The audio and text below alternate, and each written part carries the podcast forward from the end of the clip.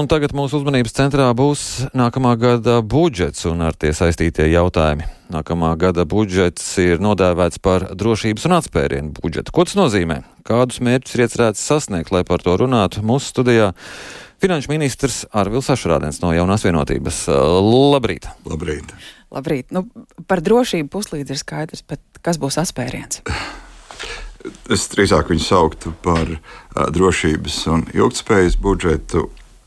Un es gribu teikt, ka budžets ir uh, ņemot vērā Ukra uh, Krievijas asiņā iebrukumu Ukrajinā un no tā izraisīto ģeopolitisko nestabilitāšu un tad izraisīto ekonomisko šoku, tāda adekvāta gan sabiedrības, gan valsts, valdības atbildi tam. Un, un, uh, tas, ka budžets, tas, kādā veidā ir uzbūvēts budžets, viņš uh, primāri nodrošina mūsu drošības vajadzības. Tātad uh, budžetā ir iestrādāts mehānisms, kā mēs virzamies uz 3% no IKP. Tātad ļoti pamatīgiem valsts budžeta izdevumiem armijas vajadzībām. Tad ir uh, nodrošināts arī viss nepieciešamais, lai nodrošinātu arī iekšējo drošību, tātad uh, pabeigtu žogu izbūvi un tehniski viņu aprīkotu. Arī varbūt nepietiekamā apmērā, bet mēs esam atraduši resursus, lai uh, palielinātu darba samaksu tiem, kas strādā uz robežas, tāpat tās ugunsdzēsējiem. Un, ja mēs runājam par tādu sabiedrības ilgspēju, tad, manuprāt, arī divas ļoti svarīgas lietas ir vēsturē lielākais pielikums ir izglītībai. Tātad tas ir vispārējai, vispār izglītībai, un arī, ar ko es ļoti priecājos, arī augstākai izglītībai. Un tad veselībai arī ir laikam lielākais finansējuma pielikums šobrīd, kas ir 275 miljoni papildus. Tā kā mēs arī šīs, te divi, šīs te trīs lielās lietas ir atbildi tam, ko es teiktu uz, uz, uz šiem lieliem ārējiem izaicinājumiem, kas mums ir. Protams, mums vēl jāsaprot, ka ir arī no tā izraisīti šoki un, un, un kas ir inflācija. Labā ziņa ir tā, ka inflācijas tā, periods, augstās inflācijas periods iet uz beigām. Nākamgad mēs plānojam inflāciju, kas būtu 2, 2%, 2 līdz 3% apmērā. Tāpēc mēs redzam, ka nākamgad ekonomiskā izaugsme varētu atjaunoties. Arī tā ir labā ziņa. Un vēl to savukārt visu kopā, es gribu teikt, ka valsts ir plānojusi budžetu ar mērenu deficītu. Ja mēs skatāmies Eiropas Savienības dalību valstu plānu pieteiktos budžeta deficītus, tad mēs esam tādā vidē vidējā grupā, un tas ļauj izpildīt visus mūsu šos uzdevumus. Tātad, kā jau teicu, mēs redzam, ka nākamā gada ekonomika augtu par 2,5%, vidēja inflācija 2,2%, vispārējais valdības budžeta deficīts 2,8%. Tā kā valsts finanses ir stabilas un mēs adekvāti reaģējam uz šo ārējo situāciju. Protams, ir lietas, ko mums nav izdevies līdz galam vēl atrisināt, bet, bet kopumā es vērtētu šo budžetu kā ļoti labu.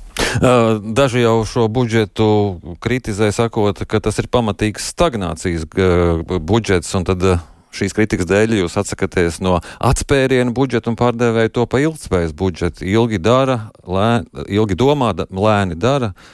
Ir, tad atspērienu nebūs nekāda. Mums ne, būs, kā jau teicu, uh, uh, ir ekonomika ir parādījusi ļoti augsta noturība Latvijā. To es arī tiešām teiktu visiem, gan uzņēmējiem, gan iedzīvotājiem. Paldies par to, ja mēs skatāmies ekonomikas izaugsmu šogad. Atšķirībā no daudzām citām Eiropas Savienības dalību valstīm, Latvijā viņi saglabājas. Tu, mēs plānojam optimistiskāk, tas būtu 1% izaugsme, bet nu, viņš izstāsta, būs neitrāli ap nulli. Bet tomēr tas ir daudz labāk nekā arī mūsu kaimiņu valstīm. Un, mēs redzam, ka tā kā izveidojusies ekonomikas struktūra, kas ir pietiekami elastīga, nākamā gada mēs redzam, ka pilnīgi noteikti ekonomiskā izaugsme atjaunosies. Tā kā var teikt, arī tas ir atspērienu budžets. Un tas, ka valdība arī mēs skatāmies attiecībā uz uzņēmēju darbību, labi tikai vienā sektorā, banka sektorā, mēs attiecībā uz uzņēmēju ienākumu nodokli, tas izņēmums, ka bankām ir jāmaksā šis uzņēmuma ienākuma nodoklis. Pārējie tas ir uzņēmuma rīcībā, paliek viņa peļņa. Ja atcerieties, elektrības rēķiniem bija liela diskusija par to, bet tur bija pretīm nākšana uzņēmējiem, lai enerģijas izmaksas uzņēmējiem būtu konkurētspējīgas. Tāpatās arī šogad netika mainīti nodokļi. Mēs skatāmies kopumā, ja, tātad ņemot vērā to situāciju, mēs mainījām tikai banku nodokli un pielāgojam pēc pārējām valstīs valstīm izlīdzinājām akcijas izmaksas. Tā kā es gribu teikt, ka ekonomika parāda ļoti labu noturību un mēs atgriežamies pie izaugsmes. Bet tā ilgspēja, tas ir kāds tur tas mērķis ir? Es saprotu, Igaunijai mērķis ir nākamo desmit gadu laikā kļūt par starp, nu, kļūt starp bagātākajām Eiropas Savienības valstīm. Mums mērķis neļaut, ka Rumānija nu, aiziet atrāvienā no mums vai lai Ungārija mūs nepanāk. Es, es saprotu, ka uh, Igaunijas mērķis un vērts viņu par diskutēt. Es gribu teikt, ka šajā situācijā uh, Latvija un Latvijas ekonomika parāda tiešām ļoti labu noturību, parāda to, ka ekonomika ir ilgspējīga. Un, ja mēs runājam par attīstību, tad valsts investē arī, kā jau teicu, izglītībā, kas ir viens ļoti, ļoti svarīgs jautājums, un arī universitātēs. Un universitātes ir tās, kurām ir jānodrošina mūsu teiksim, tā, zināšanas un prasmes tajā, ko mēs darām. Nu, tajā mēs investējam. Tā kā arī tā izaugsme ir labs pamats. Par to ekonomikas izaugsmu gribētos pavaicāt, zinot arī tās diskusijas, kas notiek Saimnes budžeta un finanšu komisijā. Tad politiķi šobrīd ir gatavi saērcināt bankas tik tālu, lai tās vairs nebūtu ieinteresētas izsniegt kredītus tiem pašiem uzņēmējiem. Nu, šobrīd tā situācija ir, ir diezgan saspīlēta, runājot arī tā skaitā par kredītņēmēju aizsardzību un tur piedāvātajiem vēl papildu drošības maksājumiem. Nu, jāsaka, situācija ar bankām mums ir tāda īpaši sarežģīta finanses sektora.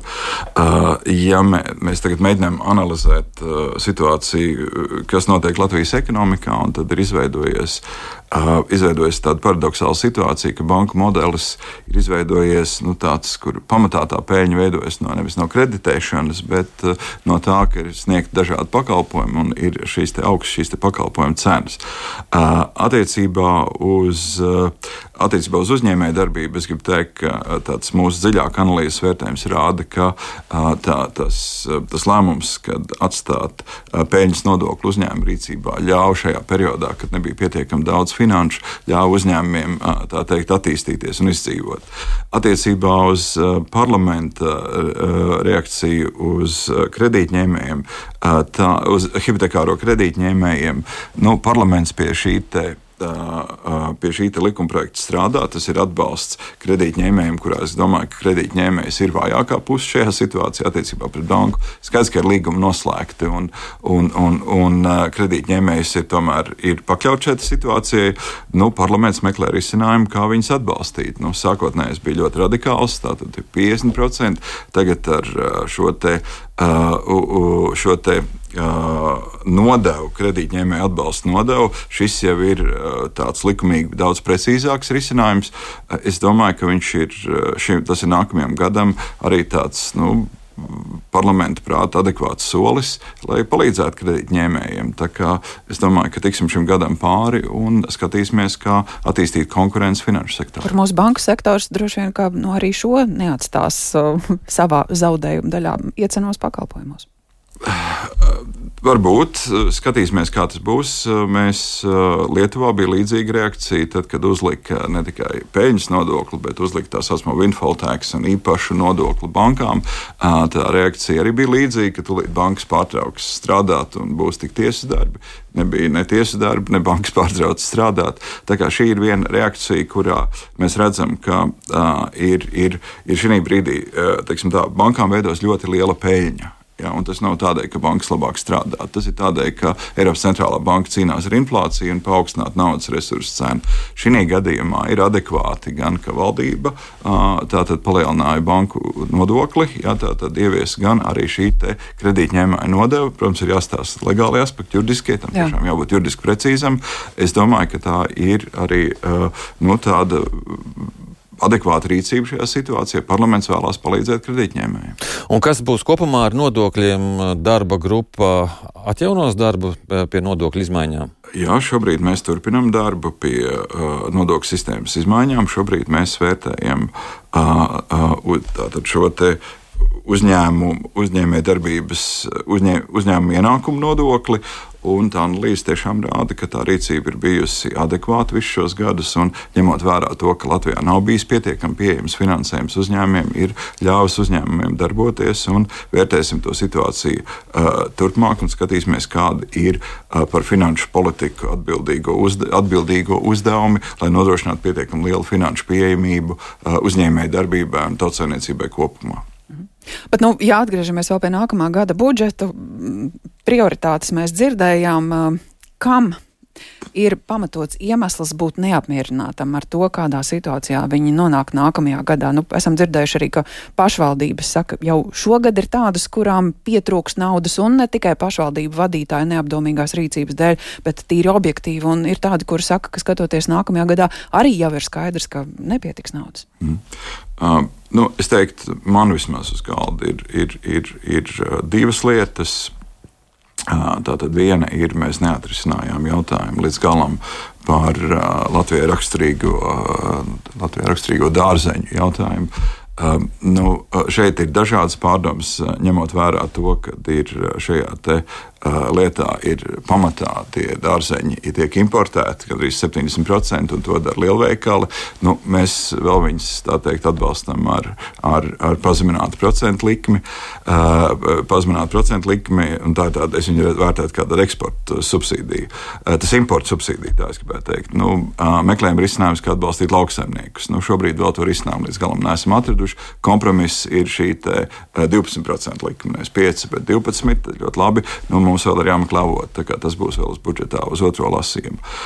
Es neesmu priecīgs par to, ka mēs neesam atraduši pietiekami resursus tiem cilvēkiem, kas strādā uz robežas un iekšlietu dienestiem. Ukraina rāda, ka adekvāta viņu samaksa, adekvāta viņu motivācija ir svarīga sabiedrības noturībai. Un trešā daļa ir pašvaldības. Es nevaru teikt, ka paši mēs neatrisinājām pašvaldību jautājumu, bet šis ir ir tā, kā viņš ir atrisināts, viņš ir atrisināts teiksim, ar tādu ad hoc, ja vienreizēju mehānismu. Jā, tad mēs atradām papildus 12 miljonus eiro, ko nofinansējam. Tātad tas ir vienai no ievainojamākām grupām. Tātad tie ir, ir, ir cilvēki, kuriem vajadzīga ir ilgstoša aprūpe, tā ir bērni, kuriem ir, ir atradām, tātad tur ir 5 miljoni, un tātad 7 miljoni tiks sadalīti, lai izlīdzinātu pašvaldību ienākumus. Tātad nav pašvaldība, kurai būtu mazāk ienākumu pieaugums par 4%. Ja? Tā kā es gribētu teikt, ka uh, valdība šeit ir reaģējusi un attiecībā uz pašvaldībām. Katrai atsevišķai pašvaldībai situācija ir ļoti atšķirīga. Viena ir Reizekne, ja, kur vadības rīcības dēļ mēs esam nonākuši vienā situācijā. Cita situācija ir Krāslavā, kur ir papildus spriedzes dēļ tā, ka ir pierobežu situācija un tā tālāk. Mhm. Katrā ziņā Finanšu ministrija tad risina šos jautājumus. Jā, liels paldies jums par šo sarunu. Atgādinu, mūsu studijā bija finanšu ministrs Arvils Ašrādens no jaunās vienotības. Paldies!